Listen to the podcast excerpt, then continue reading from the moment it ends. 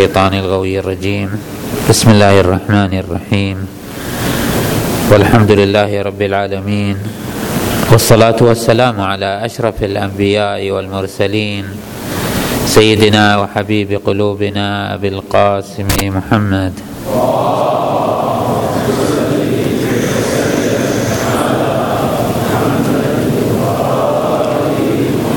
وعلى أهل بيته الطيبين الطاهرين.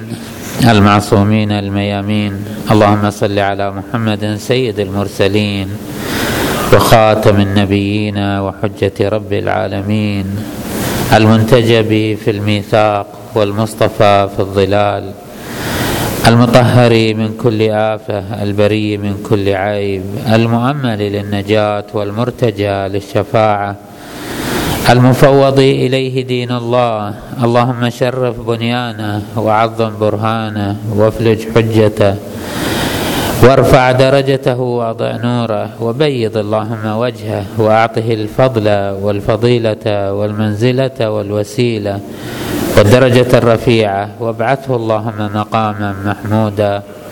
يغبطه به الأولون والآخرون. اللهم وصل على محمد وآل محمد.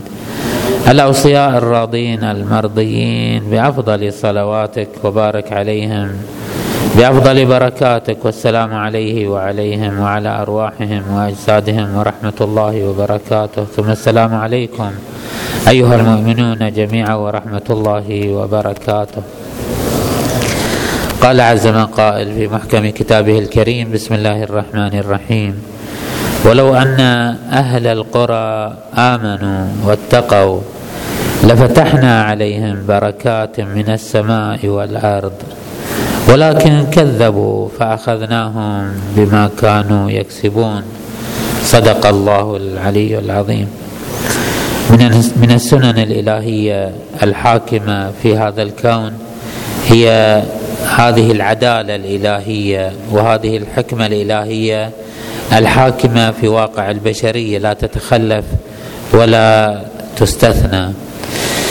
يستطيع الإنسان في واقعه الأرضي أن يبني هذا الواقع بأجمل ما يمكن أن يكون وأن يسعد بما آتاه الله من نعم وعطايا وفضائل. ولكن أعطي الإنسان بالإضافة إلى العقل وبالإضافة إلى كثير من النعم هذه الخصوصية وهي خصوصية الاختيار وتدبير الشأن. في هذه المساحة مساحة الاختيار وفي مساحة تدبير شأن الإنسان على ما أوتي من وعي وعقل ومعايير وأخلاق وغرس في اعماقه ما يهديه إلى سواء السبيل. ولكن أراد وشاء ما شاء وانتهى به هذا الواقع الحال. لنلاحظ هذه الجهات في حياة الإنسان. فاولا نجد أنه وفي خصوص هذه المرحلة الأخيرة من تاريخ البشرية استطاع الإنسان أن تتفتق أمام مصادر المعرفة والعلوم ولعله لم تصل الإنسانية في يوم ما ما وصلته الإنسانية اليوم من آفاق المعرفة وتكشف أسرار الكون أمامه. استطاع أن استطاع أن ينطلق إلى أعماق الفضاء ليتلمس أبعد نعم أجرام هذا الكون حتى استطاع أن يشكل خريطة واضحة لعموم تركيبة هذا الكون. بعد أن عاش الإنسان ردحا طويلا من الجهل والظلمات في فهم هذا الكون وتركيبه الآن أصبح الإنسان يرسل الصواريخ ليستكشف معالم هذا الوجود وآفاق هذا الكون. حتى أنه إذا استعصت عليه المكنة من إرسال الصواريخ أرسل الأشعة ليتلمس كل جزئيات هذا الكون العميق أو ما يستطيع أن تبلغه يد الإنسان. هذا في جهة الفضاء استطاع أن يغور في أعماق الأرض في قوانين الفيزياء وقوانين الكيمياء وقوانين الإنسان. حتى استطاع أن يعالج جزئيات وتفاصيل بدن الإنسان في في مرحلته الطبية.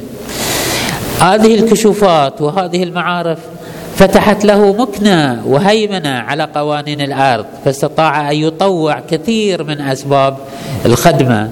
كان الإنسان بالأمس يحتاج إلى مؤونة ليقطع مسافات يقطعها الإنسان بأهون السبل وبطوع الحديد وطي و آه، طير الصواريخ في الفضاء. في خدمته وفي آه، ما ينفعه.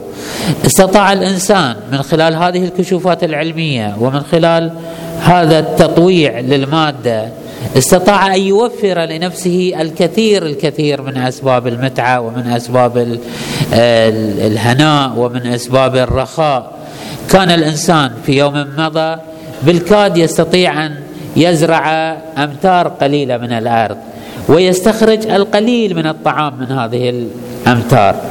إنسان اليوم يستطيع أن يزرع المساحات الكثيرة بل يستطيع أن يستثمر المساحة القليلة بمعنى آخر كان إنسان الأمس مثلا يخرج طنا واحدا من الحنطة مثلا من مساحة معينة.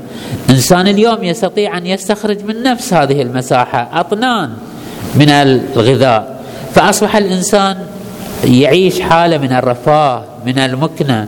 استطاع الإنسان اليوم أن يكيف الأجواء والهواء والإضاءة وكل ما يمكن أن يستثمره في هذا الكون. ولكن مع الأسف هذه الفتوحات المعرفية هذه الهيمنة على مقدرات الكون هذه القدرة الاستعمارية والاستثمارية لمعطيات هذه الأرض. لم توافقها ولم تصحبها جهات ثلاثة. فهذه الكشوفات المعرفية لم يصبها في منظومة معرفية ترشده إلى فهم هذا الوجود. بمعنى أنه هذه المعطيات الكثيرة الآن الشاب في مقتبل العمر ينطوي على ثقافة ومعرفة وإحاطة بقواعد كثيرة ما كان ينطوي عليها علماء قبل 200 سنة على مستوى الجغرافيا وعلى مستوى الفلك وعلى مستوى الطب وعلى مستوى كل ميادين المعرفة. اليوم الشاب يستطيع أن يحيط بكثير من أسباب المعرفة.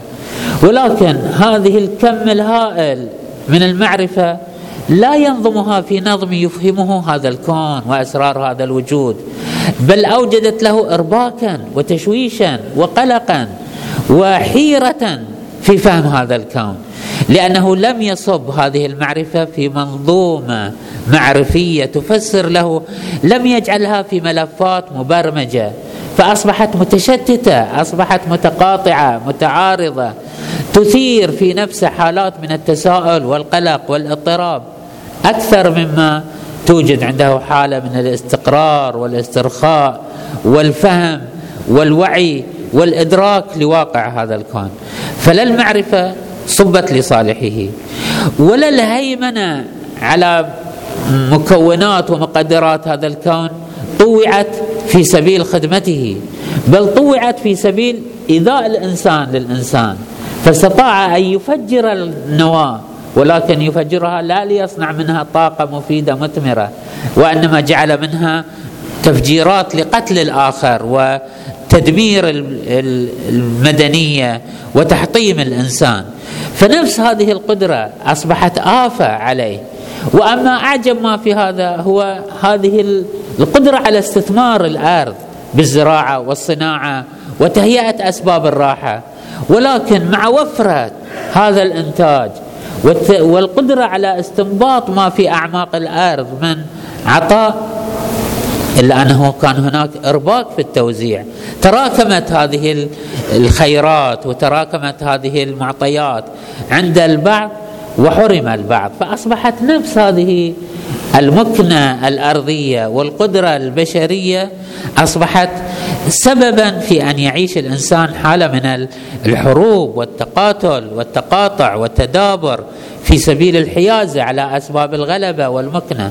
فتجد الأغنياء يملكون الكثير الكثير من أسباب المتعة ما لا يستطيعون حتى استهلاكه في حياتهم. فتجد منهم من يملك ملايين من الدنانير الذهبية والدولارات والأموال يمتلكون الأطعمة ما لا يكفي عمرهم لأن يستثمروا ويأكل هذه الخيرات في الوقت الذي يعيش اخوانهم من بني البشر حالة من الفقر المدقع. المشكلة هي أنه في انهيار المنظوم، المشكلة تكمن في جهتين. الجهة الأولى هي في انهيار المنظومة الأخلاقية، في أن هذه المعارف وهذه المكنة وهذا الاستنباط لمكنونات الأرض لم يصحبها حالة من العدالة، حالة من الاستواء الروحي، حالة من آه، الأخلاق، بل حكمت حالة من الجشع حالة من الاستهلاك حالة من التلذذ حالة من الاستبداد في الأرض. هذه جهة والجهة الأشنع وهي حالة انفلات الإنسان من محوريات الله من محورية الله عز وجل. بدل أن يكون هذا الكون وهذه القدرة وهذه المعارف وهذه المكنة من الهيمنة على قوانين المادة وهذه القدرة على استنباط مكنونات الأرض بدل أن تكون كلها في ضمن الاعتقاد والإيمان بأن هذا الوجود كله يدور مدار إرادة إلهية وتدبير رباني. عاشت الإنسانية هذه الفترة الزمنية حالة من الاستبداد والاستقلال والنفور عن أي حالة من حالات الخضوع والإيمان والاستقرار والاتباع لأوامر الله عز وجل. حالة من الانفلات حالة من التياه. أوقعها في إرباك أخلاقي وفي قلق وفي تمزق داخلي مما أثر عليها في أنه لم تنظم معارفها في نظم واضح وصحيح ولم تستطع أن تطوع هذه المكنة المادية التي وفرت لها في الاتجاه الصحيح ولم تستطع أن توزع هذه الثروة من النعيم بالطريقة الصحيحة. لاحظوا القرآن الكريم يعبر عن هذا المعنى ولو أن أهل القرى آمنوا واتقوا لفتحنا عليهم بركات من السماء ليس فقط عطاء البركات السماوية سوف تشمل معطيات الأرض ومعطيات السماء. معطيات الأرض يعني كل هذه النعيم كل هذه العطايا الإلهية الأرضية سوف تتوازن مع بركات. بركات يعني عطاء مبارك فيه.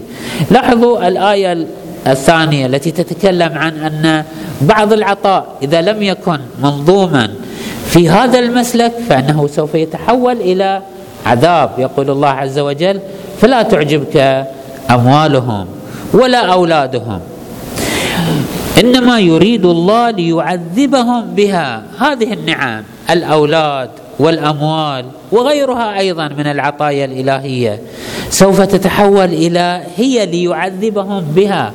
العذاب بنفس هذا الذي أعطيناكم إياه ليعذبهم بها في الحياة الدنيا. هذا عذاب دنيوي.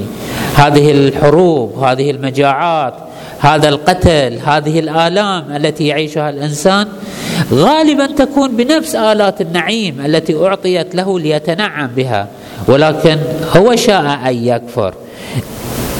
وتزهق أنفسهم وهم كافرون. يقول الله عز وجل ومن يعش عن ذكر الرحمن نقيض له شيطانا فهو له قرين. عدم محورية التدبير الإلهي والرجوع إلى الله عز وجل سوف يذهب بالانسان إلى الضفة الأخرى وتولية الشيطان له. أخيرا يقول الله عز وجل ومن أعرض عن ذكري فإن له معيشة ضنكا ونحشره يوم القيامة أعمى ويقول الله عز وجل ولو أن أهل القرى آمنوا واتقوا لفتحنا عليهم بركات من السماء والأرض ولكن كذبوا فأخذناهم بما كانوا يكسبون. نفس كسبهم نفس جهدهم يتحول نفس استحواذهم على أسباب النعيم وأسباب الراحة وأسباب الاسترخاء. بدل أن يكون سببا. لذلك سوف يكون هذا الكسب وهذا الذي كسبوه هو سبب عذابهم وهو سبب ألمهم وهو سبب شقائهم. نرجو من الله سبحانه وتعالى أن يتمم لنا نعمه وأن يهدينا إلى استثمار هذه النعم التي توفرت للإنسان في هذا الزمن الأخير. نقطة أخيرة أختم بها حديثي وهي الوقوف وقفة إكبار وتبجيل لروح سماحة آية الله. العظمى السيد محمود الهاشمي الشهرودي الذي غادرت هذا الكون هذه الأيام. هذا الرجل الذي بذل عمره منذ شبابه في سبيل تحصيل العلم والمعرفة والسلوك منهج أهل الله عز وجل. وطوع هذه العلوم وهذه المعرفة لخدمة أمته لخدمة مجتمعه لخدمة الإنسانية. قضى عمره الشريف. جزاه الله خير. في خدمة الدين وفي خدمة المؤمنين وفي طاعة الله عز وجل. نرجو من الله سبحانه وتعالى يمن على روحه الطاهرة بالرحمة وأن يعين ذويه بالسلوان. نختم هذه الكلمة بقراءة الفاتحة على روحي وأرواح المؤمنين. جميعا تسبقها الصلاة على محمد وآل محمد.